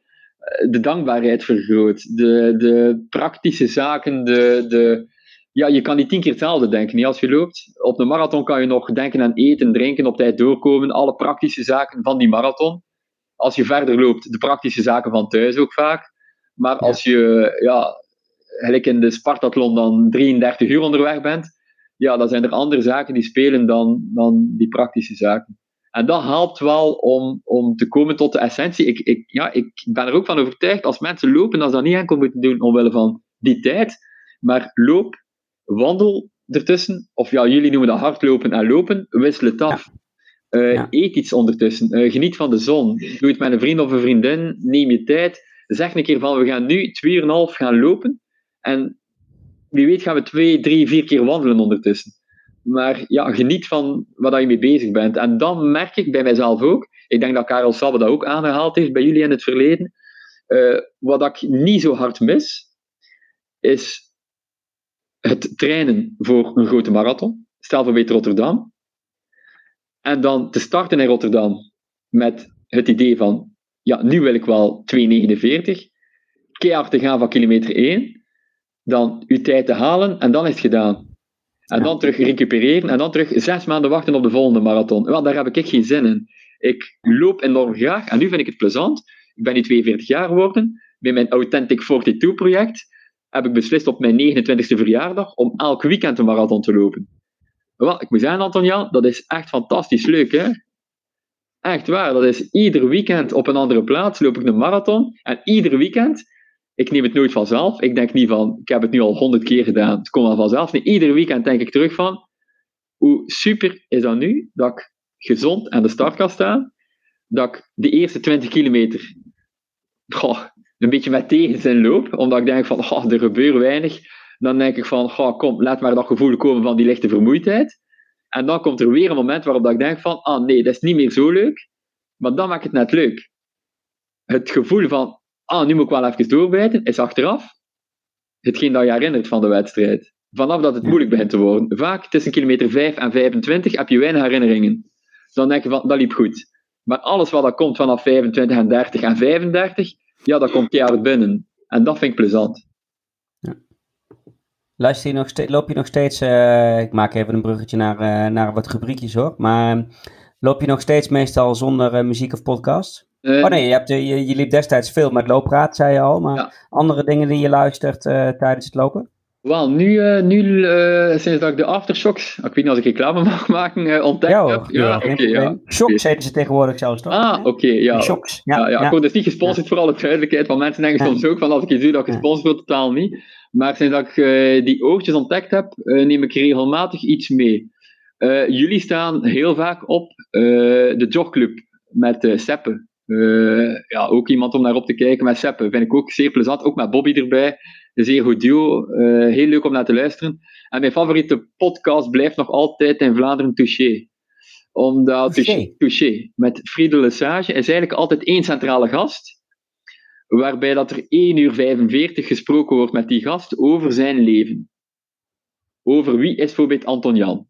Waarom specifiek die tijd? Is dat... eh, Ja, het is altijd ongeveer 1 uur 40, 1 uur 45. Eh, Het is ook wel leuk voor mijn lange duurlopen. Het is ook ongeveer ja, dan 1 uur 45 in het verleden. En wat ik ook plezant vind aan die podcast, ze mogen ook een vijf, zestal liedjes kiezen tijdens de podcast. En dan praten ze ook wel kort waarom dat ze dat nummer gekozen hebben. Ik ben ook een muziekliefhebber en dan vind ik dat leuk, omdat een, soms muziek wel iets zegt over iemand. Ja. En dan vind ik leuk die korte onderbreking van de muziek, om dan terug over te gaan naar de gast en eigenlijk een, een volledig levensverhaal te horen. Waarbij dat opnieuw terugkomt. Uh, het zijn soms ook wel bekende gasten, dat uh, niks vanzelf komt. Hè. Er is ook niemand die aan mijn deur komt bellen en die zegt van Olivier, ik wil klant worden bij je op kantoor. Of Olivier, ik wil hebben dat je een tweede boek uitbrengt bijvoorbeeld, of dat je een boek uitbrengt. Ja, wat dat je doet in het leven, bepaal je vaak zelf. Uh, ik moet ook opletten als ik dat zeg, want ik ben ooit in uh, de Brusselse rand gaan uh, spreken over mijn ondernemerschap in combinatie met het hardlopen. En mijn laatste slide was altijd: je bent de architect van je eigen leven. Dat is nu al twee jaar mijn laatste slide, tot op die dag. Omdat na mij kwam er een ondernemer spreken met Parkinson.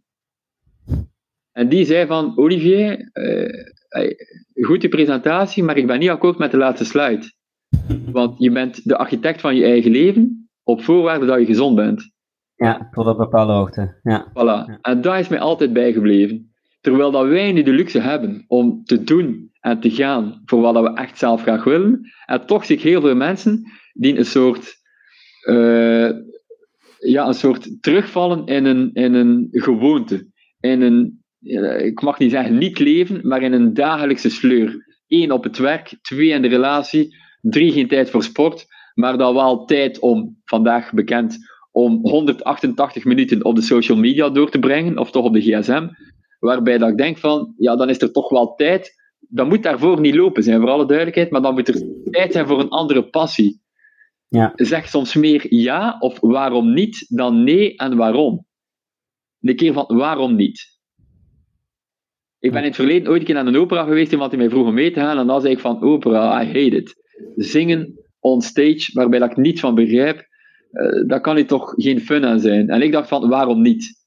En uiteindelijk viel het ook dik tegen, wat ik verwacht had. Maar dan daarna, maar dan daarna begin ik te babbelen met iemand, waarbij dat ik denk van, ik ben niet toch blij dat ik hier ben. Want wat dan belangrijk is in het leven, zijn ontmoetingen. En dan ontmoet je mensen door buiten te komen, en dan ja, ontdek je dingen. En dan is heel vaak in mijn leven al geweest van, door op dingen ja te zeggen, dat ik mensen leren kennen heb, die nu nog altijd of in mijn leven aanwezig zijn, of toch wel iets betekend hebben in mijn leven. Is dat ook het antwoord dat je geeft uh, als mensen aan je vragen waarom, Olivier? Waarom? Zeg je dan waarom niet? Ja, ja, tuurlijk. En, en ja, bij heel veel dingen die ik doe, van, waarom, waarom loop je 246 kilometer? Dat is ook zo. Van, waarom? Ja. Allee, één, geld ga je er niet mee verdienen. Twee, er is heel veel tijd die erin komt die dan niet kan zijn bij de mensen die je graag ziet. Maar dan denk ik van, ja, weet je, die twee jaar die ik voorbereid heb, zijn zo intens geweest in mijn leven, waar ik nu nog altijd op terugblik. Misschien iets te romantisch. Ik moet nu ook opletten dat ik niet die periode verheerlijk. Want dat is ook, dat, dat moet ik mijn boek er nog een keer bij nemen, denk ik, als ik het wel verheerlijken. Want dan is het ook wel duidelijk dat het niet zo was. Maar ja, er zijn heel veel zaken die je doet in je leven, als je bent af te vragen van waarom, dat je dan toch soms een keer denkt van, ja, eigenlijk als ik die richting uitga, dat is dan eerder zo de, de, de, de brombeerrichting. En het feit alleen al dat je dan die vraag stelt, is teken dat het misschien ook niet echt de passie is wat je aan het doen bent. Als je dan elke dag vraagt, ja pas op, niet elke dag is bij mij ook happy, joy, fun, maar als je elke dag afvraagt van waarom dat je job doet, dan is het nooit te laat om een keer te kijken naar iets nieuws. In een relatie ook. Ik, ik ben ervan overtuigd dat een volledig leven samen blijven met je partner not done is. Allee, dat dat bijna, terug, bijna onmogelijk is. Omdat je je volledig, moet je dat voorstellen, je volledig leven bij dezelfde vrouw doorbrengen als je daaraan denkt, klap je dicht. Hè? Allee, dan denk ik van heel lang van nee, nee, ik ga daar niet aan beginnen. Ik had ook altijd een jongere vriendin, omdat ik dacht van als het dan gedaan raakt, kan zij verder en kan ik verder. Er zijn geen kinderen, er zijn geen verplichtingen. Ja, jij kunt langer door. Ja. ja. Voilà. Ja. een soort van, oei, nee, ik ga daar geen persoon aan doen, want ik, ik denk dat de liefde altijd wel voorwaardelijk is, omdat je ook met twee partijen bent. Je kan zeggen van, voor mij is het onvoorwaardelijk, maar voor de tegenpartij ben je niet zeker het kan voorwaardelijk zijn voor de tegenpartij. Of jij hangt af van, van, van, van je liefde. En dan denk ik van om dat te laten duren bij twee mensen, een volledig leven, dat is eigenlijk onmogelijk.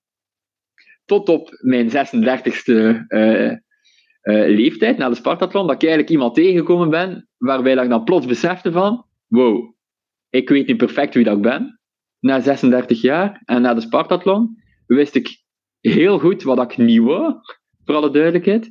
En wist ik ook wat ik wou. En dan kom ik iemand tegen, ja, misschien bestaat toeval niet, maar dat was dan toeval. Kom ik drie maanden daarna iemand tegen op een loopwedstrijd, waarbij dat zij nooit een loopwedstrijd aan deelneemt. En waarbij dat ik nooit ga kijken naar een loopwedstrijd. En toen ging ik kijken en zij liep mee. en ik zag haar en ik dacht van... wereld. Ja. En, ik, en zij liep mee en zij had een, een warme jas bij. En ik zei van, Karen, haar naam is Karen, ik zal je jas bijhouden, omdat ik dan zeker was na de finish, dat ik ze moest terugzien. En dan heb ik ze teruggezien en uiteindelijk, nu moet ik wel zeggen van, het is wel mogelijk als je echt de, de, de, perfecte match vindt. Maar dat kon ook maar, denk ik, na 36 jaar. Ik denk dat ik de voorrelaties gehad heb die misschien ook wel zouden kunnen slagen, maar waarbij dan mijn jeugdig enthousiasme of mijn uh, tunnelvisie in de weg stonden in, voor een stabiele, goede relatie. Ik denk dat mensen groeien in hun leven en dat je niet bent, uiteraard niet op je 36 wie dat je bent op je 18.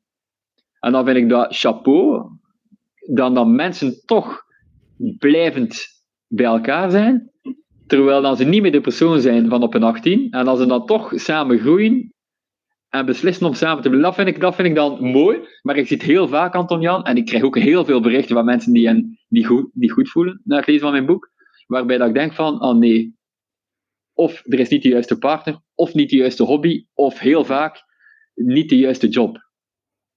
Of zaken uit het verleden, wat in mijn boek ook terugkomt, zaken uit het verleden die blijkbaar dan toch niet verwerkt zijn. Waarbij dat ik denk van, één, je kan het niet zelf. Neem dan iemand in vertrouwen, of ga dan naar iemand om het te kunnen uitbabbelen. En ja, ongelooflijk eigenlijk hoeveel mensen die een soort trauma uit het verleden meenemen, die ogenschijnlijk niet zwaar is, maar dan, als ze dan toch beginnen doorpraten, dat toch wel zeer aanwezig is. En omdat ik open mijn verhaal gedeeld heb, zijn mensen ook zeer open naar mij toe. Ja. Hm. Dat vind ik wel ja, heel leuk aan het uitbrengen van, van zo'n persoonlijk verhaal.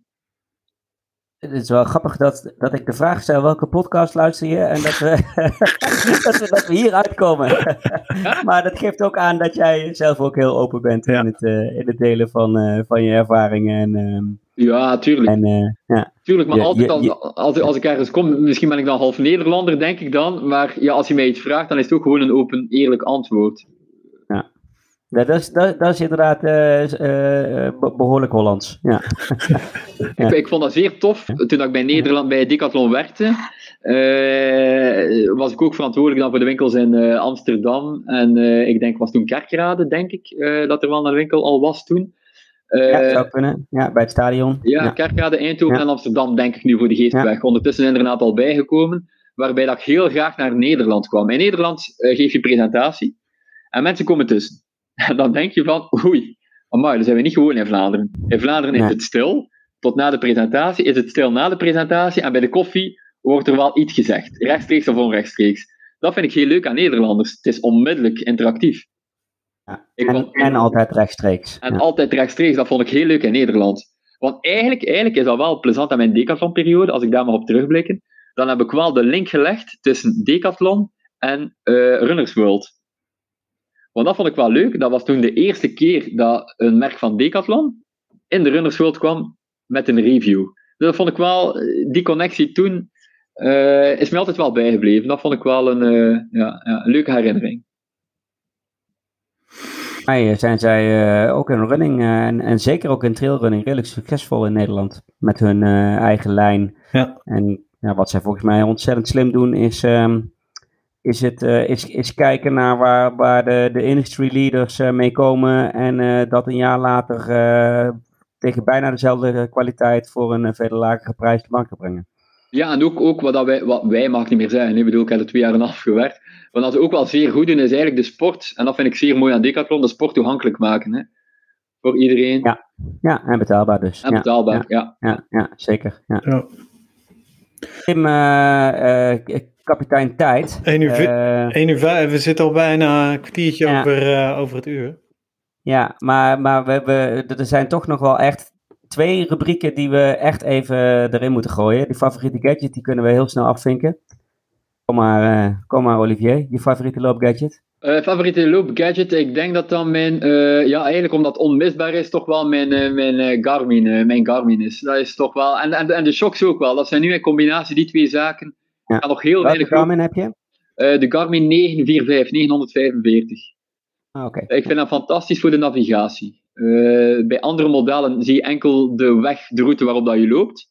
Bij ja? de Garmin 945 zie je ook straten er rond helpt wel enorm. Oh ja, oh, ja. ja dat is op de, op de Phoenix ook. Ja, ja helpt wel enorm. Dat zijn eigenlijk twee zaken die dan voor mij onmisbaar zijn. Ja. ja. En, en, eigenlijk, en, en, eigenlijk ja, moet, moet ik kort op terugkomen, mijn loopzooltjes. Ik sta niet volledig recht. En ik ben twee weken geleden in Parijs, uh, heb ik niet meegelopen omwille van COVID, ben ik mijn loopzooltjes vergeten in Parijs en heb ik heel snel nog nieuwe zooltjes moeten, uh, moeten aanschaffen bij de podoloog. En die zijn eigenlijk ja, ik ga nooit lopen zonder mijn loopzooltjes. Dus ook wel, wat, wat dan mensen soms denken van, ofwel lopen ze neutraal, of ze proneren. Of, denk supineren is, denk ik, ja. Eén van de drie. Maar ik proneer, maar toch heb ik nog loopzooltjes nodig. En dat is iets dat veel mensen niet bij nadenken, omdat ze zeggen van, we hebben last aan de Achillespees, last aan de knie, last aan de rug, last aan het bekken. En toch hebben we een pronerende schoen. Dan denk ik van, soms is het niet voldoende. Soms moet je nog een keer uh, misschien wel de raad van een podoloog nemen om dan iets extra aan te brengen aan de, aan de loopschoen. Dat kan ik uh, bevestigen. Ja. Oké. Okay. ja. ja. En ik heb, dat, uh, ik heb dat gezien op basis van een bezoekje wat ik aan 5D Lab gebracht heb. Ehm, die ook gewoon met videobeelden precies kon laten zien van kijk eens wat er gebeurt in je, in je afwikkeling en in je knikje en in je... Op basis daarvan heb ik ook uh, nu. Ja. ja, ik dus ook. Ja. Drie favoriete gadgets. hey, en, uh, nee, je weet het natuurlijk, hè. De, de derde en belangrijkste rubriek wat mij betreft. Loop je niet kapot podcast tip? Wat, uh, je, je hebt al wat tips gegeven onderweg, maar... Uh, slechts een enkele hoor. Dat is niet... ja, maar ik denk één, we, zijn geen profatleten. Dus uh, leg jezelf niet onnodig een te grote druk op. Uh, eh, ja, als je prof bent, hangt er je contract vanaf, je loon. Bij ons dus totaal niet. Uh, ik ben er ook van overtuigd, als je je tijd neemt om je doel te halen, dat je er uiteindelijk wel komt. Als het realistisch is. Uh, durf ambitieus zijn, maar toch realistisch. En gewoon tijd nemen. En eigenlijk is de loop je niet kapot. Loop je niet kapot, is eigenlijk al voldoende. Ik denk dat heel veel mensen dat net wel doen als ze trainen, omdat anders geen training is. Dat ze denken van, kijk, nu kom ik thuis en ben ik echt kapot in de zetel. Dat was een goede training. Ja, net niet. Uh, zelfs ik, na 14 jaar lopen, werk opnieuw aan een trainer. Uh, dus coach Dennis is eigenlijk uh, terug onmisbaar, omdat voor jezelf zie je niet als je goed bezig bent. meer is niet altijd beter, minder is dan ook niet altijd goed. Heel veel, heel veel, maar zijn al een aantal gasten geweest bij jullie, die echt wel, ik denk Bram Som, de naam ontsnapt mij nu, was Bram Som, ik weet nu niet, ik denk dat Manuela ook wel bij jullie geweest was. Ja. Ja. Die ook wel zei, wat er heel vaak gebeurt, de trainingen verlopen altijd zo in de, in de grijze zone. Terwijl dat eigenlijk groen-rood moet zijn. En dat, ja, weinig zwart-wit. Ja, zwart-wit. Ja, dat is echt wel iets dat veel te weinig gebeurt. Jezelf pijn doen, kort, is nodig. En heel relaxed lopen is ook nodig. Maar niet altijd zoiets daartussenin. Want dan ga je echt niet vooruit. Dan brand je jezelf alleen maar op. Klopt. Um, en natuurlijk de belangrijkste levensles. Je hoofd weegt zwaarder dan je benen. Ja, ja. En als je, zolang je benen het tenminste doen. Hè? Dat is wel een belangrijke bijles die je daarna geleerd hebt. Klopt, dus. klopt. Maar heel vaak als je gaat gaan kijken naar een wedstrijd, uh, is toch wel de laatste kilometer gebeuren er plots zaken waarvan dat je denkt van, als je iemand ziet lopen naar kilometer 7, denk je van, die komt niet levend aan aan kilometer 9, de laatste kilometer, wordt er daar een spurtje getrokken, dan denk je van, ja, eigenlijk zat er nog wel meer in. En dan moet je misschien het wel. Ja. het wel. Ziet, het is, het is vooral, denk ik, het licht gaat eerder uit uh, in je hoofd dan in je benen, denk ik. Geen benen zonder hoofd, hè. Ja. Nee, dat... Uh... ja. Mooi. Uh, Olivier, we zitten al bijna op een, uh, nou, we zitten op een, uh, een goede duurloop. Dankjewel voor je tijd. Um, en ik wens je nog veel succes, of we wensen je nog veel succes met... Wanneer ga je het laatste van je 42 marathons lopen? Ja, da dankjewel trouwens. de laatste vindt plaats op 13 november, heel symbolisch. op 13 november in Athene. Dus ja. The one and only. The one and only, ja. De Authentic om uh, mijn project te stoppen. is net marathon 42 op mijn 42ste. Dus het is marathon 42 dit jaar. Is net in Athene. Dus te mooi, mooi. om te laten liggen. Ja. Mooi, ja. ja. En jullie bedankt voor de, voor, de, voor de leuke podcast en voor de uitnodiging. Ja, zeer leuk. Super bedankt voor, uh, voor je tijd, uh, Olivier. Tim gaat zo nog een heel heel riedeltje doen. Blijf nog heel even hangen uh, voor, de, voor de afterparty. Uh, Tim, de uh, floor is all yours. ja, ja, nou, je bent... Um, ja. Nogmaals, dankjewel Olivier. Um, ja. je bent natuurlijk... Waar luister jij uh, praten? Op welke app? Via Spotify? Of? Ja, Spotify. Via Spotify. Nou ja, Spotify, daar staan we dus op. Dan kan je ondertussen... of je kan nu ook al sinds enkele maanden in een rating geven. Uh, doe dat alsjeblieft, eh, waardoor uh, worden we beter gevonden door, door andere hardlopers. Um, Apple Podcasts. wat allemaal nog meer? Soundcloud. Nou ja, alle... alle Podi Podimo, Podimo. Ja, volgens mij wel. Podimo. Ja. ja, Dan kun je gewoon je Apple Podcasts in integreren. Ah, kijk. Ja. Ook als je geen betaald abonnement hebt. Ja, precies. Nou, dat is mooi. Um, ja, alle, alle... Maar wij blijven gewoon gratis, Tim. Ja, en met, met, een, eh, met een beetje donaties, hè? En uh, die blijven ook doorgaan, dus uh, waarvoor dank trouwens. Um, het, ik sta nog steeds altijd, ik ben nog steeds een beetje verbaasd dat, dat mensen doneren. Um, in ieder geval, um, alle belangrijke podcast-apps kan je lopen luisteren, even opzoeken. luister je nou via de Apple Podcast, laat dan even een review achter. Vier of vijf sterren zijn we heel erg blij mee. Daarnaast kan je ook inschrijven. Ben je niet zo van de podcast en luister je hem gewoon of download je de aflevering liever. Uh, dat kan allemaal via onze website. Uh, schrijf je even in via de, onze nieuwsbrief en dan krijg je bij elke nieuwe uitzending een, een mailtje in je inbox. En dan kan je hem direct van daaruit downloaden. en dat was het voor mij. niet Anton. nog een famous last words voordat we mag sluiten. Super bedankt aan alle vrienden van de show. En uh, bedankt Olivier. En uh, blijf luisteren, blijf lopen. Yes.